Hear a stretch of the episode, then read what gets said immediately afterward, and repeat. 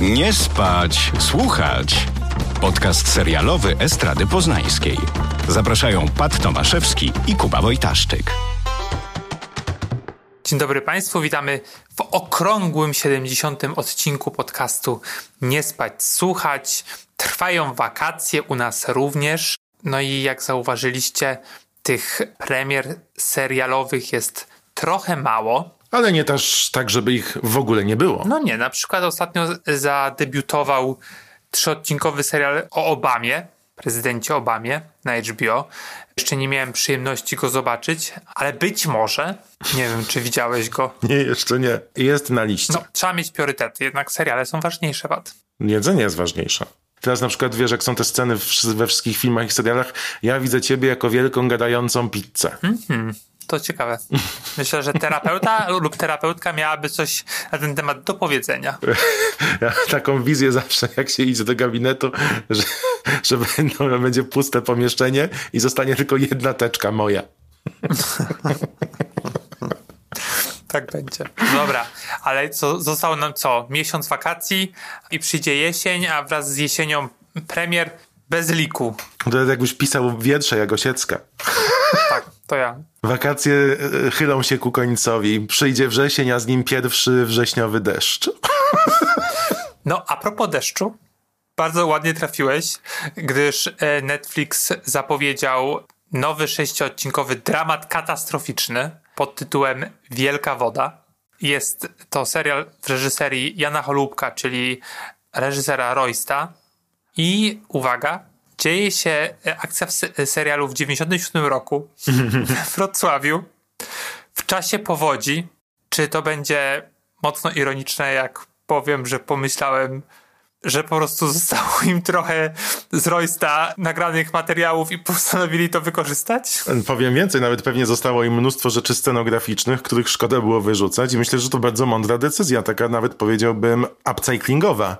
No. Zamiast wyrzucić, wykorzystać. No, zero waste. Ale ogłoszono też obsadę tego serialu i bardzo zaskoczyło mnie to, że pojawi się Anna Dymna w jednej z ról. Tak, to prawda. No bo też jest Agnieszka Żulewska, która wydaje mi się, że gra jedną z głównych ról, z tego co rozumiem. I Agnieszka Żulewska pojawiła się w Rojście jedynce i w dwójce w takich niewielkich rolach. W dwójce była e, fryzjerką.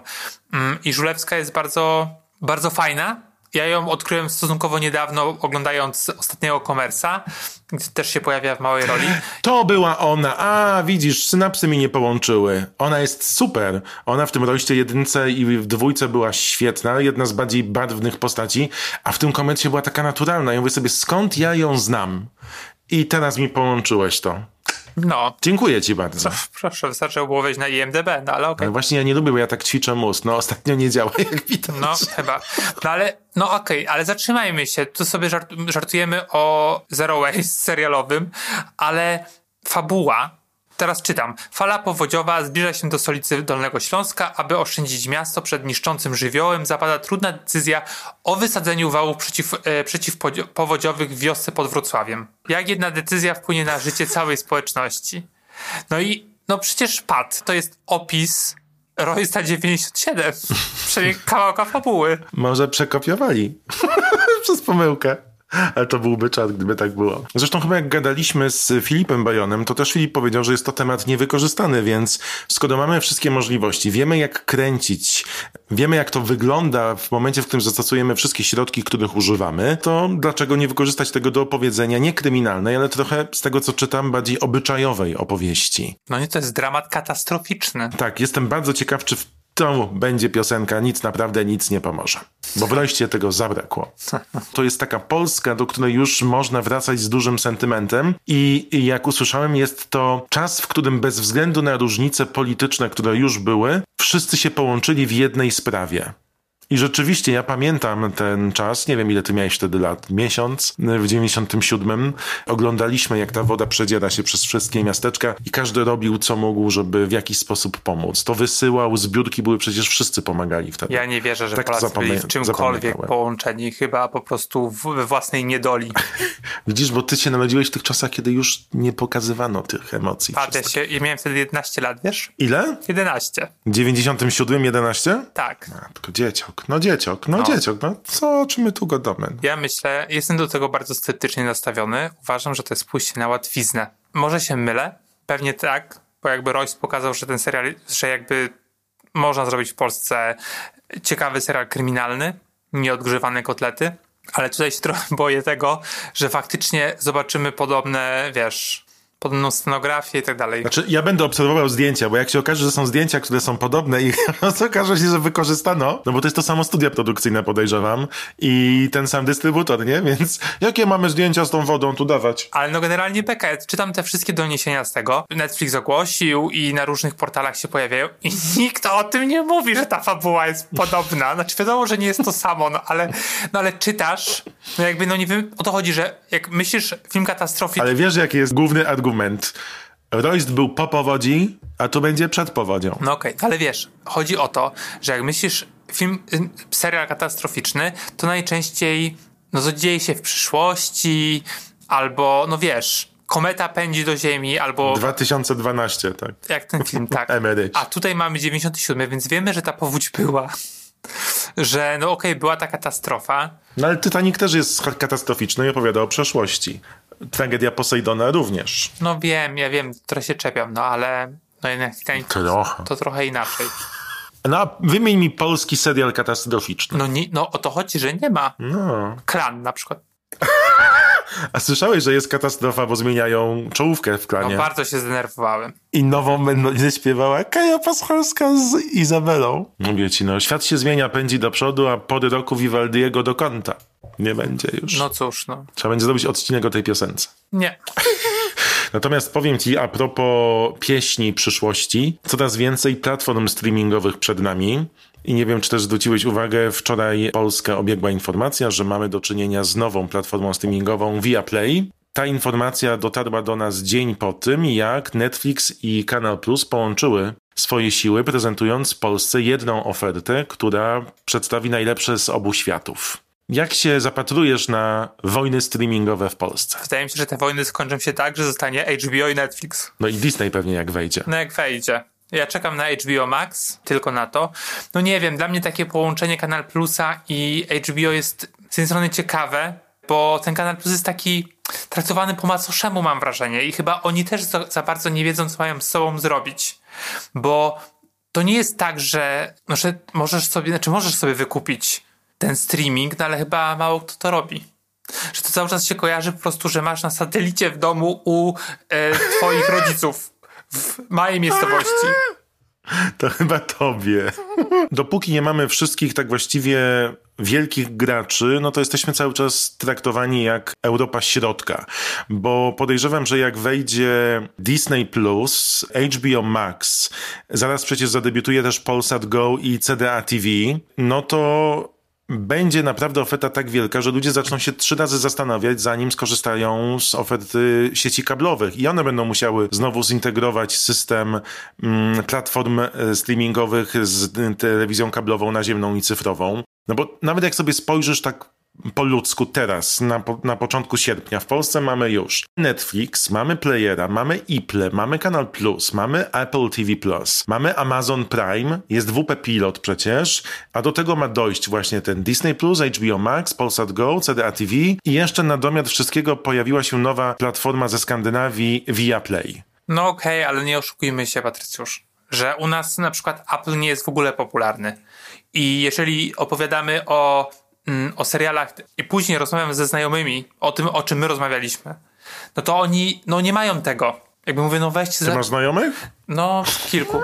Załóżcie sobie, jakby wiesz, nawet na dwa tygodnie darmowe, żeby sobie po prostu zobaczyć część. No bo to jest fajna platforma mimo wszystko, mimo i to i się jakby rozwija. No ale ja powiem ci, że moi znajomi mają i nawet ostatnio podsłuchałem dziewczyny z podcastu Prawdziwe Zbrodnie, które pozdrawiamy i jedna z Karolin oglądała historię Lizzie, twój ulubiony serial Apple TV. O matko. Więc to nie jest tak. No, pamiętajmy, że nasze spojrzenie jest specyficzne, bo też mamy, jesteśmy bardzo uprzywilejowaną grupą, ale wydaje mi się, że jest trochę popularny, bo inaczej po pierwsze, gdybyśmy zgłaszali prośby o screenery do Stanów, to byśmy nie dostali, bo rynek by się nie liczył. A tak, zobacz, masz możliwość zobaczenia przedpremierowo wszystkich tytułów Apple'a, co jest super. Polska też się liczy na tym rynku i co ciekawe, też artykuły, które pojawiają się na polskich portalach też dotyczą tych rzeczy i one są klikane, no inaczej wiesz, wydawcy nie, nie stawiali na to, więc... No okej, okay, ale myślisz, że takie IPLA, IPLA, IPLA coś tam, czy CDA, to jest dla mnie w ogóle absurdalne, bo to głównie mi się kojarzy z tym, że po prostu piracisz tam na potęgę, nagle wchodzą znaczy, jakby iPla jest cały czas. Te CDA ma ogromną rzeszę e, odbiorców i teraz jak wprowadzają te pakiety, żeby ludzie korzystali ze źródeł oryginalnych i legalnych, myślę, że będą mieli bardzo duże. To jest tylko, wiesz, jedno kliknięcie dla użytkownika, który już jest z tą platformą zaprzyjaźniony. Widzisz, to znowu jest perspektywa, Kuba, perspektywa. No oczywiście, że jest perspektywa, no ale no nie oszukujmy się, że jakieś takie rzeczy... Powiem ci, czym ten Via Play na przykład może wygrać. Ofertą sportową. Kanal Plus też wygrywa ofertą sportową. Ale poczekaj, no to jest specyficzny odbiór odbiorca, że to nie do końca trafia na przykład do mnie czy do moich znajomych. Jakby o sporcie się też nie rozmawia za bardzo w, tej, w kontekście, tylko mówimy... Oczywiście, że się rozmawia. Absolutnie. Niektórzy wykupują dla rodziny tylko ze względu, biorąc pod uwagę e, transmisje sportowe. Viaplay na przykład wykupił wszystkie mecze Bundesligi, reklamuje się lewym. Lubisz lewego, oglądaj Viaplay. I jestem przekonany, że to pójdzie bardzo. No bo Dobra, jak... posłuchaj, ale w kontekście seriali, oryginalnych seriali własnej produkcji, oto mhm. te, te kanały nie mają co zaproponować, a mi bardziej chodzi o to, że dlaczego ja miałbym... A spojrzałeś całą ofertę, żeby zrzucić taki wniosek? Sprawdzałem ofertę IPLI i no, te seriale nie są, Patrycjusz, dla mnie. No, dla ciebie i to jest właśnie... No, ale ja mówię ze swojej perspektywy, co mnie interesuje ktoś inny. Ja mówię, czy Ale ja... mów obiektywnie ze swojej perspektywy. O, sport sportem. Oczywiście, że są jakby w Polsce rzesza fanów sportu i niczego więcej. E, no, Jejku, tak... ja bym chciał mieć przypinkę z napisem sport sportem. No co, sport sportem? No. Dla mnie sport kończy się na Tedzie Lasso. No przecież oglądałeś trochę mecze Euro, czy nie? Nie. A, okej, okay, dobra. To pomyliłem cię z innym Kubo, sorry. Mecze? Serio? Rozumiem. Chociaż tak jeszcze w małym tam, stopniu, ale jeszcze, rozumiem. Jakby tam był jakiś romans na tej murawie, to może bym spojrzał. Jezu, ty idziesz z samymi tytułami. Romans na Morawie, kupuję ten tytuł. No wspaniałe. To dobrze. Czyli tak, dla ciebie naj... liczą się tylko właściwie e, trzej gracze pod twoje gusta. No nie trzej, trzech graczy, ale jeżeli na przykład Kanal Plus byłby bardziej dla mnie dostępny, na przykład strona byłaby bardziej czytelna, albo miałoby tam aplikację, chyba ma w ogóle, tylko nawet, nawet tego nie sprawdziłem za bardzo. Ale okej, okay, wchodzę. sobie niszczysz wniosek. Wchodzę na stronę Kanal Plusa, na to, na to, że mogę sobie tam zalogować się i wypożyczyć teoretycznie. No to dla mnie tam jest bardzo, panuje tam duży chaos. Żebym wybrał kon konkretny tytuł i też na przykład nie docierają do mnie wiesz, oryginalne tytuły, które e, mnie jakoś super zainteresują. I dzisiaj będziemy mówić, co prawda, o tytule, który Kanal Plus kupił, no ale to nie jest ich oryginalna produkcja, po prostu w wyścigu o, wyścigu o ten tytuł na rynku e, zagranicznym zwyciężyli w Polsce. No tak, czyli też dostarczają content, który, których inni nie mają. Ja myślę, że to jest tak, że każdy znajdzie coś dla siebie, że to, co e, udowodniły kanały tematyczne, kiedy nagle z 30 programów masz do wyboru 700. Ludzie sobie dostosują to pod swoje potrzeby. I Wydaje mi się, że my na tym zyskamy w kontekście właśnie łączenia takich pakietów albo ofert, albo po prostu na zasadzie konkurencji rynkowej, czyli że dostaniemy lepsze ceny za usługi. W tym momencie możemy wyjść my jako użytkownicy na plus. Większość z tych platform już ma wspólną bibliotekę filmów albo seriali. Ten Viaplay, o nim czytałem najwięcej, więc teraz mogę się skupić. Będzie miał między innymi też podręczną i dużo z grupy NBC Universal, więc może Schitt's Creek na przykład, który też e, w większości krajów licencjonuje ten dystrybutor pojawi się wreszcie w Polsce, ale też stawiają na polskie produkcje i w ogóle to padniesz. Fort Boyard reaktywowali. Program, który w Europie był znany w latach 90., w dwójce był w 2009 i tym chcą zachęcić Polskę. Masz, e, do masz, masz odpowiedź. Masz odpowiedź. Tak. Podręczna i coś tam, o czym nigdy nie słyszałem. Ale jest cała oferta sportowa. Są, i teraz uwaga, czym chcą przykuć y, słuchaczy do przykuć słuchaczy? Piła 6. Czym chcą przyciągnąć um, odbiorczynie i odbiorców? Całą biblioteką seriali skandynawskich, które Polacy kochają a głównie kryminałów. I myślę, że no. ty też je lubisz. A, są, a jest, są dziesiątki... Nie. A są dziesiątki tytułów, o których nawet jeszcze nie wiemy. Mają produkcje oryginalne i w tym robią trzy seriale polskie. Co na wielką platformę jest dosyć małą ilością, no ale coś robią. Kanał Plus robi głównie te kryminały, o których wiemy, rozmawiamy i nie zawsze wpadają w nasze gusta. Netflix ma na razie największą ekspansję na nasz rynek zaplanowaną. Co będzie z HBO Max? No, nikt z nas jeszcze tak naprawdę nie wie. Disney wątpię, żeby zrobił coś polskiego poza jakimś programem dla dzieciaków. I myślę, że to też może być jakiś argument w tej walce o widza, o rodzime produkcje. Dużo tego jest i będzie. Player przecież robi tylko polskie produkcje i robi tego bardzo dużo. I niektóre są ponoć spoko. Widziałeś te seriale z Kuleszą? Pułapkę i jeszcze ten drugi? Nie. No, a słyszałem bardzo dużo dobrych słów o, o nich. Może weźmy głęboki oddech, zobaczmy jak to będzie wyglądało. Fakt jest, że przed nami ponownie będą trudne decyzje na zasadzie nie na co iść do kina, ale którą platformę streamingową wykupić. A i tak jak ją wykupimy, to będziemy 40 minut spędzali na tym, co z niej wybrać, zanim zobaczymy. Bo na tym się to kończy. Nieprawda. Ja tak nie Ostatnio mam. przeglądałem Netflixa Naprawdę wybierałem z pół godziny film, a w końcu zobaczyłem Kill Billa po raz 70. So I suppose it's a little late for an apology, huh? You suppose correctly. Nie spać, słuchać. Dobrze. A propos Kanal Plusa, przejdźmy do serialu, o którym już wspomnie, wspomnieliśmy, że tam można go zobaczyć. Nazywa się Nienawidzę Suzy. I hate Suzy. I proszę ja ciebie, ja się o tym serialu dowiedziałem przez przypadek, kiedy były nominacje bodajże do BAFTY te telewizyjnej i Suzy dosyć tam spoko zebrała. A to chyba przez to, że po prostu główną, główną rolę Suzy Pickles gra Billie Piper, która jest również współpomysłodawczynią tego serialu, a Billie jest taką no bardzo znaną brytyjską aktorką, zwłaszcza tam. U nas oczywiście też w mniejszym stopniu, ale na wyspach no jest taką no nie wiem jak to porównać. Trudno to porównać, bo ona przede wszystkim zaczęła karierę jako popstar, jako gwiazda popu i była piosenkarką, która miała kilka numerów jeden w Wielkiej Brytanii. Ja do dzisiaj pamiętam, jak Beata Sadowska prowadząc Pepsi Chart Show zapowiadała e, Something Deep Inside i Billy tańczyła na małej scenie przy kolumnie.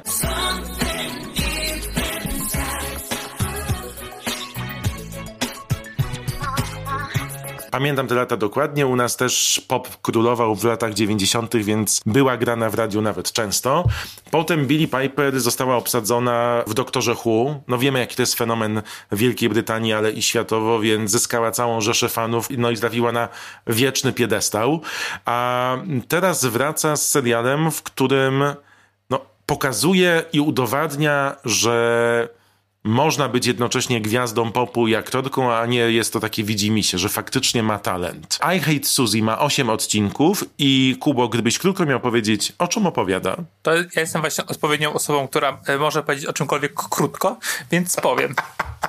Główna bohaterka, czyli Suzy, jest znaną aktorką po 40. Kiedyś była, tak jak podobnie jak Billy, dziesięcą piosenkarką. No i właśnie dostała wielkiego deala od Disneya, i w tym samym momencie do internetu trafiają zhakowane jej foty, gdzie uprawia seks oralny. I bardzo szybko okazuje się, że ten mężczyzna to nie jest jej mąż. Dam, dam, dam. To jest główny zarys fabularny. I przez te osiem odcinków patrzymy, jak ta e, sytuacja wpływa na nią, na jej życie, na jej karierę, a także na osoby dookoła niej. There were some photos posted online. So obviously it's not your husband's. I'm a terrible mother, terrible wife, slightly above average actress. I will not play the victim. I no jest to komedy dramat. No i wydaje mi się, że tak jak już wspomniałeś, że po prostu Piper pokazuje, jaką jest świetną aktorką, dzięki temu, że ona jest tak świetna, w ogóle ten serial da się oglądać i cały czas tej Suzy kibicujemy.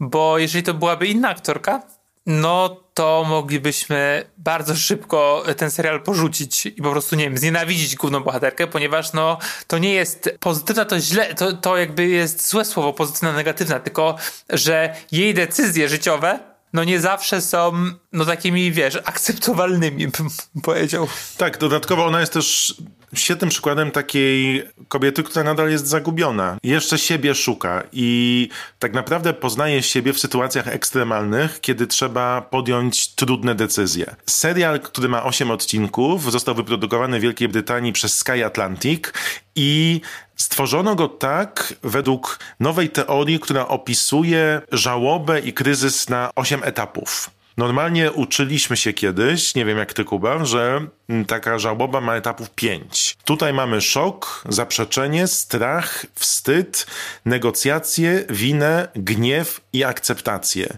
I wokół każdego z tych haseł zbudowany jest jeden odcinek. Każdy z odcinków to jest jakaś osobna mini nowela, opowieść, którą łączy właśnie ten wątek wypłynięcia kompromitującego zdjęcia. Na co zwróciłem bardzo uwagę, czym ta produkcja odbiega od innych, to to, jak blisko kamera często jest głównej bohaterki, jak napięcie towarzyszy jej i my je czujemy dosłownie, i to jest taki element paniki połączonej ze stresem, połączonej z takim poczuciem zagrożenia i, i nie, nie wiedzą tego, co przyniesie kolejna chwila i, i kolejny moment, że ty czujesz to, co ona ma. I w żadnym momencie w ujęciach, które widziałem, ona nie jest spokojna. Tam jest zawsze coś się dzieje. I to jest coś, co ty jako widz czujesz i tym bardzo dla mnie ten serial się wyróżnia. Jak ty to odebrałeś? Podobnie. Dla mnie to jest takie bardzo... Yy, znaczy, po pierwsze, poczucie klaustrofobii, o której mówisz, co sprawia, że ta kamera jest tak blisko i faktycznie jakby czujemy takie właśnie przygnębienie, to po pierwsze, ale też takie obciążenie psychiczne, które ona czuje, bo nie tylko jest znaną aktorką, ale jednocześnie, wiesz, spotyka się z kimkolwiek, to oni wiedzą o tych zdjęciach, bo ona jest po prostu, no, jakby celebrytką, no, tak. no i jakby nie możesz od tego uciec. Do tego, wiesz, cała rodzina, w sensie jej mąż i, e, i syn, syn o tym chyba nie wie, jest tam, ma jakieś tam, nie wiem, 8 lat może, czy coś i do tego jest niesłyszący, więc pewnie trudno mu się jakby dostać do tych wszystkich wiadomości, ale jej mąż oczywiście o tym wie i też to na niego wpływa. No on jest takim typowym e, mansplainerem, takim po prostu heterusem na wskroś i... E... Heterus na wskroś. Ty dzisiaj rzucasz po prostu tytułami na, na prawo i lewo. No i on tam ją ostro męczy, w sensie jakby próbuje tę sytuację mm, jakoś w jakiś sposób odwrócić trochę do niej, do niej wrócić jakby do swojej żony e, i jednocześnie też nie zważa na to, co ona myśli, co ona czuje, no bo przecież to jej wina jest. I to jest bardzo ciekawie pokazane, ta relacja pomiędzy nimi. Jeszcze jest trzecia osoba, bo, bohaterka, i to jest jej przyjaciółka Suzy, przyjaciółka i y, agentka Naomi, którą gra bardzo, bardzo fajnie Laila Far.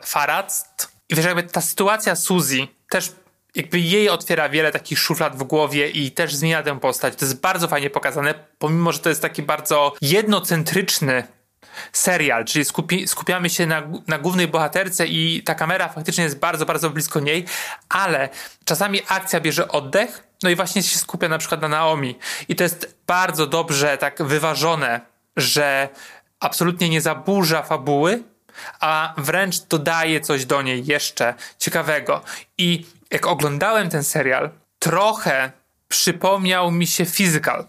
Ale pod tym względem, że tam nie do końca twórcom i twórczyniom udało się e, tak manewrować e, fabułą, żeby nie zgubić głównej bohaterki. A tutaj wręcz przeciwnie, to jest po prostu idealnie, no opanowane jest to idealnie, że faktycznie cały czas jesteśmy w tym takim fajnym napięciu mm, przez te chyba pół godziny, bo tyle trwają odcinki, a jednocześnie, wiesz, możemy poznawać też inne bohaterki, innych bohaterów. Nie, nie czujemy takiego, nie wiem, chaosu na przykład.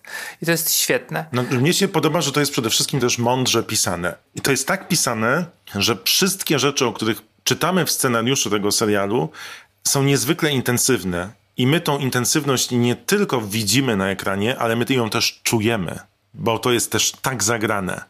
I wydaje mi się, że to jest to połączenie roli, o której chyba marzy większość aktorek, załamanie nerwowe, panika, e, działanie, wiesz, w afekcie, reakcja na jakąś traumę. No to jest marzenie, wiesz, pokazania mnóstwa kolorów w kontekście aktorskim. W kontekście realizacyjnym rzadko na palcach jednej ręki można wymienić produkcje, które ocierają się o te tematy i odnoszą sukces, a nie porażkę, tak jak wspomniałeś. I myślę, że jest pewna osoba, która sprawia, że to jest tak dobrze podane. To jest Lucy Preble, która jest showrunnerką i scenarzystką tego serialu, ale też normalnie pisze odcinki sukcesji. Ona spotkała Billy Piper zresztą na planie y, serialu Sekretny Dziennik Call Girl, który chyba był kręcony dla Showtime'u w 2007, jeżeli się nie mylę, chyba przez kilka, cztery sezony. No i tam się panie zaprzyjaźniły i od tamtego czasu rozmawiały o tym, co można by ciekawego zrobić z perspektywy kobiecej, ale czegoś, co w telewizji nie było. Nie ma chyba osoby, która by nie lubiła sukcesji po tym, jak zobaczy ten serial tam też jest to charakterologicznie niezwykle intensywne. Ja pamiętam, jak sukcesja miała premierę w kontekście drugiego sezonu, to ja miałem ciary na rękach, jak oglądałem każdy kolejny odcinek. I tutaj mam ciary, oglądając każde intensywne pół godziny. Więc Lucy, kłaniam się nisko. Tak, tak, ona jest faktycznie świetna i to bardzo dobra kooperacja. Mm, ale jeszcze chciałem też tak wrócić, że właśnie o tym mówiłeś, że mm, to wszystko jest takie inteligentnie podane i na pewno, no, jakby pewnie uczyła się dość długo, w sensie na planach różnych seriali, tego jak nie robić, co, y, nie robić um, serialu pod dyktando tematu. Tak, i też czasami grać ciszą, to jest w ogóle bardzo fajna rzecz. Tak, ale na przykład chodzi mi o to, że no generalnie bardzo łatwo można byłoby wpaść e, w takie schematy, wiesz, mitu, molestowanie, tak, tak celebryctwo i tak dalej, a tutaj jest wszystko bardzo tak dobrze przemycone, że te tematy nie dominują, jakby nie tracą, nie tracą z, y, z horyzontu właśnie cały czas tej głównej bohaterki. I to jest y, ciekawe, bardzo często ironiczne, taki ten brytyjski humor, który jest taką też kliszą y, sam w sobie, no, no tutaj bardzo fajnie jest to podane i przedstawione. Też fajnie bawią się różnymi odniesieniami popkulturowymi i widać, że to jest pisane przez kogoś, kto się zna na rzeczy. Bo bardzo mi się podoba też cały ten efekt, że w momencie, w którym życie jej lgnie w ruinach, to ona ma sesję zdjęciową nawiązującą do Cruelli de Mon tak. ze 101 Dalmatyńczyków i potem chodzi w zakrwawionym sztuczną farbą futrze po mieście, i stara się wykombinować, co może zrobić. I są to pewne momenty, które też znamy z innych filmów i seriali, które są tutaj przetworzone w zupełnie inny sposób. I jest to bardzo ciekawe. Natomiast no jest to życie uprzywilejowanej, celebrytki, gwiazdy filmów z kategorii B. Zresztą te filmy później są pokazywane i one są momentami cudowne. To jest serial o zombie w czasie II wojny światowej. To jest, tak. najlep- to jest najlepszy serial świata. W pierwszym odcinku ona tam pokazuje, że tam jest jakąś galaktycz- super galaktyczną bohaterką też. To też, też nie jest tak. jakiś wspaniały e, Oscarowy numer. I tu się też bawią e, twórcy konwencją. Natomiast ze względu na swoją intensywność, ja nie byłem w stanie, być może obudził się we mnie jakiś empata, od pata, i, e, który nie był w stanie przetrawić więcej niż dwóch odcinków od razu, bo to jest tak intensywne, słuchajcie, wy czujecie to wszystko przez te zabiegi, o których mówiliśmy, związane z kamerą, z muzą, z ujęciami, z prędkością czasami montażu. To jest takie, kurczę, ja się denerwuję, wiesz, a nie zawsze lubię takich wysokich emocji non-stop doznawać. Więc bardzo polecam, ale nie wszystkie naraz. I tu się cieszę, że można sobie to dawkować, kiedy się tylko chce. I polecam. Ja chyba nie binge'owałem sobie tego, tylko oglądałem jeden chyba na dzień. Bo faktycznie jest tak, że no tam jest ostry, czasami jest nawet taki cringe. Jeszcze chciałem wrócić do tego, co powiedziałeś, że ona jest uprzywilejowana. Tak, e, oczywiście, tylko że w, jakby jak oglądasz te brytyjskie seriale, to to jest trochę inne uprzywilejowanie, w sensie jak sobie pomyślisz, jak ten serial byłby w Ameryce, no to nie wyglądało to tak, jak wygląda. Tam bardziej, jest to takie bardziej e, ludzkie, mimo wszystko, mimo że ona ma dużą chatę, ale to nie jest, to nie jest Beverly Hills. Tak. No, to nie jest po prostu Kardashianki i tam sobie po prostu żyją. Tylko to jest zwykły dom na, na wsi brytyjskiej. I też w którymś odcinku jedzie na e, ślub swojej siostry. Tam się okazuje, że jej ojciec dostał propozycję od, od e, szmatławca, że, żeby opowiedział jej historię za kasę. Lekka patola. Więc e, generalnie to wszystko jest takie, mm, no, że potrafisz sobie to wyobrazić e, u nas. I to jest świetne właśnie w brytyjskich serialach i teraz sobie próbuję na szybko przypomnieć, że już w którymś takim serialu właśnie też tak było. Że było o bogatej osobie, ale to jest jakby takie wszystko ludzkie. Jak Suzy się pojawiła, to porównywano ją do Fleabaga nowego I uważam, że to jest po prostu głupota, bo jak masz bohaterkę, jakby główną bohaterkę, mm, taką, Kobietę to od razu Fleabag. tak, to musi być od razu coś, co było popularne i bardzo dobre i też opowiadało o kobiecie i teraz, wiesz, masz o kolesiu z agencji reklamowej, to od razu Mad Men. No tak się by nigdy nie powiedziało. No ale tak żyje świat i wiesz, często seriale sprzedaje się właśnie na takiej opcji. Na zasadzie Fleabag tyle, że jest gwiazdą i kradną jej zdjęcie. Kupujecie czy nie? No być może tak, no ale... Je... Podejrzewam, że nieraz było to użyte w ten sposób. Uważam, że porównanie do Fleabag jest nieodpowiednie, Są w ogóle dwa różne ale nie seriale. przeszkadza mi. Jedne i drugie opowiada o interesujących postaciach kobiecych. O. W każdym razie y, bardzo polecam. Dobra, to to jest I Hate Suzy, Nienawidzę Suzy, dostępne na Kanal Plus. Możecie sobie dawkować 8 odcinków, kiedy tylko chcecie i jak chcecie. Chciałbyś coś jeszcze polecić? Co widziałeś? Czy coś czytałeś? Czy coś słuchałeś? Słuchałem dzisiaj rano podcastu Awardist z Kate Winslet, która właśnie z perspektywy czasu opowiada o tym, jak ludzie i jak świat zareagował na Mayor's Easttown i powiedziała, że przez całą swoją karierę czekała na taki moment, jak Saturday Night Live zrobił parodię Murder Durder serialu Mayor's Easttown, że teraz poczuła się aktorką docenioną i powiedziała, że przez ten lockdown e, nikt z twórców nie był w stanie zobaczyć reakcji, bo wiesz, nie można było zorganizować żadnych pokazów publicznych, posłuchać co widownia myśli, a w Wielkiej Brytanii jest taki program Gogglebox, chyba wzięli stąd ten motel Polska e, na telewizji, zresztą w Polsce chyba też jest na TV6 ten Gogglebox, i on opowiada, on pokazuje, jak ludzie oglądają tę telewizję i co komentują.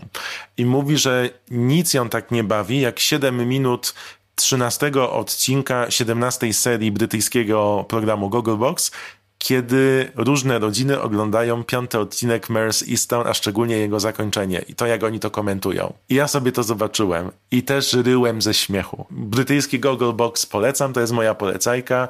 Zresztą miło też czasem zobaczyć reakcje ludzi na to, co my wszyscy oglądamy. Właśnie wszedłem na Rotten Tomatoes, żeby powiedzieć o filmie, który ostatnio zobaczyłem w kinie i który uwielbiam. Krytycy ocenili ten film na 90% jest fresh, a widownia na 53%. Już jest to, wiesz, to jest gniłe pomidory prawie, że. Rotten. I to jest The Green Knight, Zielony Rycerz w reżyserii e, Davida Lowe- Loweriego z Devem Patelem w roli głównej, którego możecie kojarzyć na przykład ze Slumdog Millionaire. Albo z filmu Lion z Nicole Kidman. Tak, i jest to epicka fan- fantastyka, no nie wiem jak mam to nazwać. Widzisz? Mówiłem, że będzie pizza.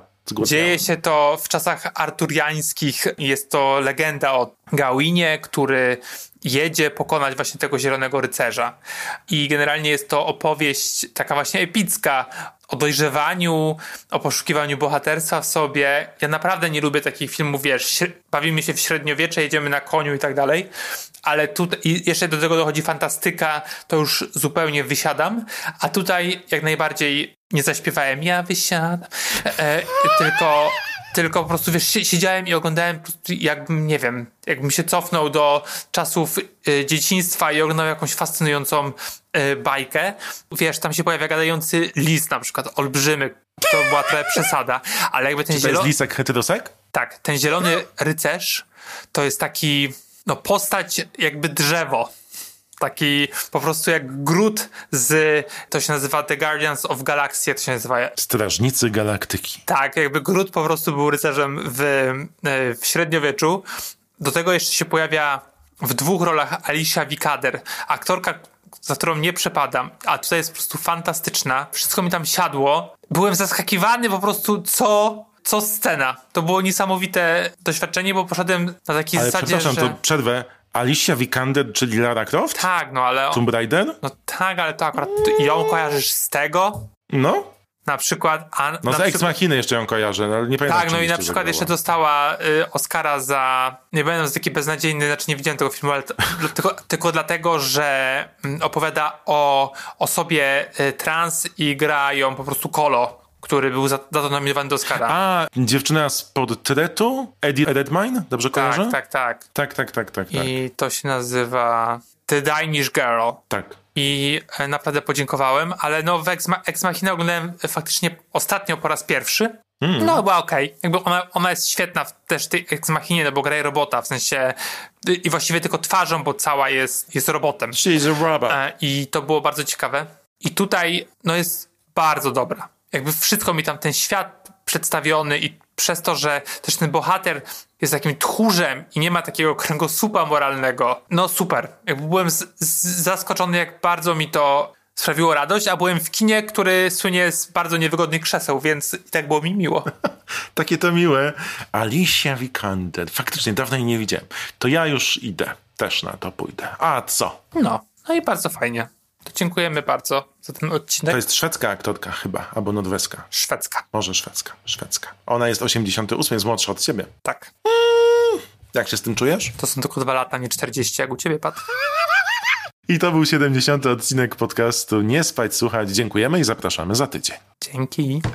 Nie spać, słuchać. Producentem podcastu jest Estrada Poznańska.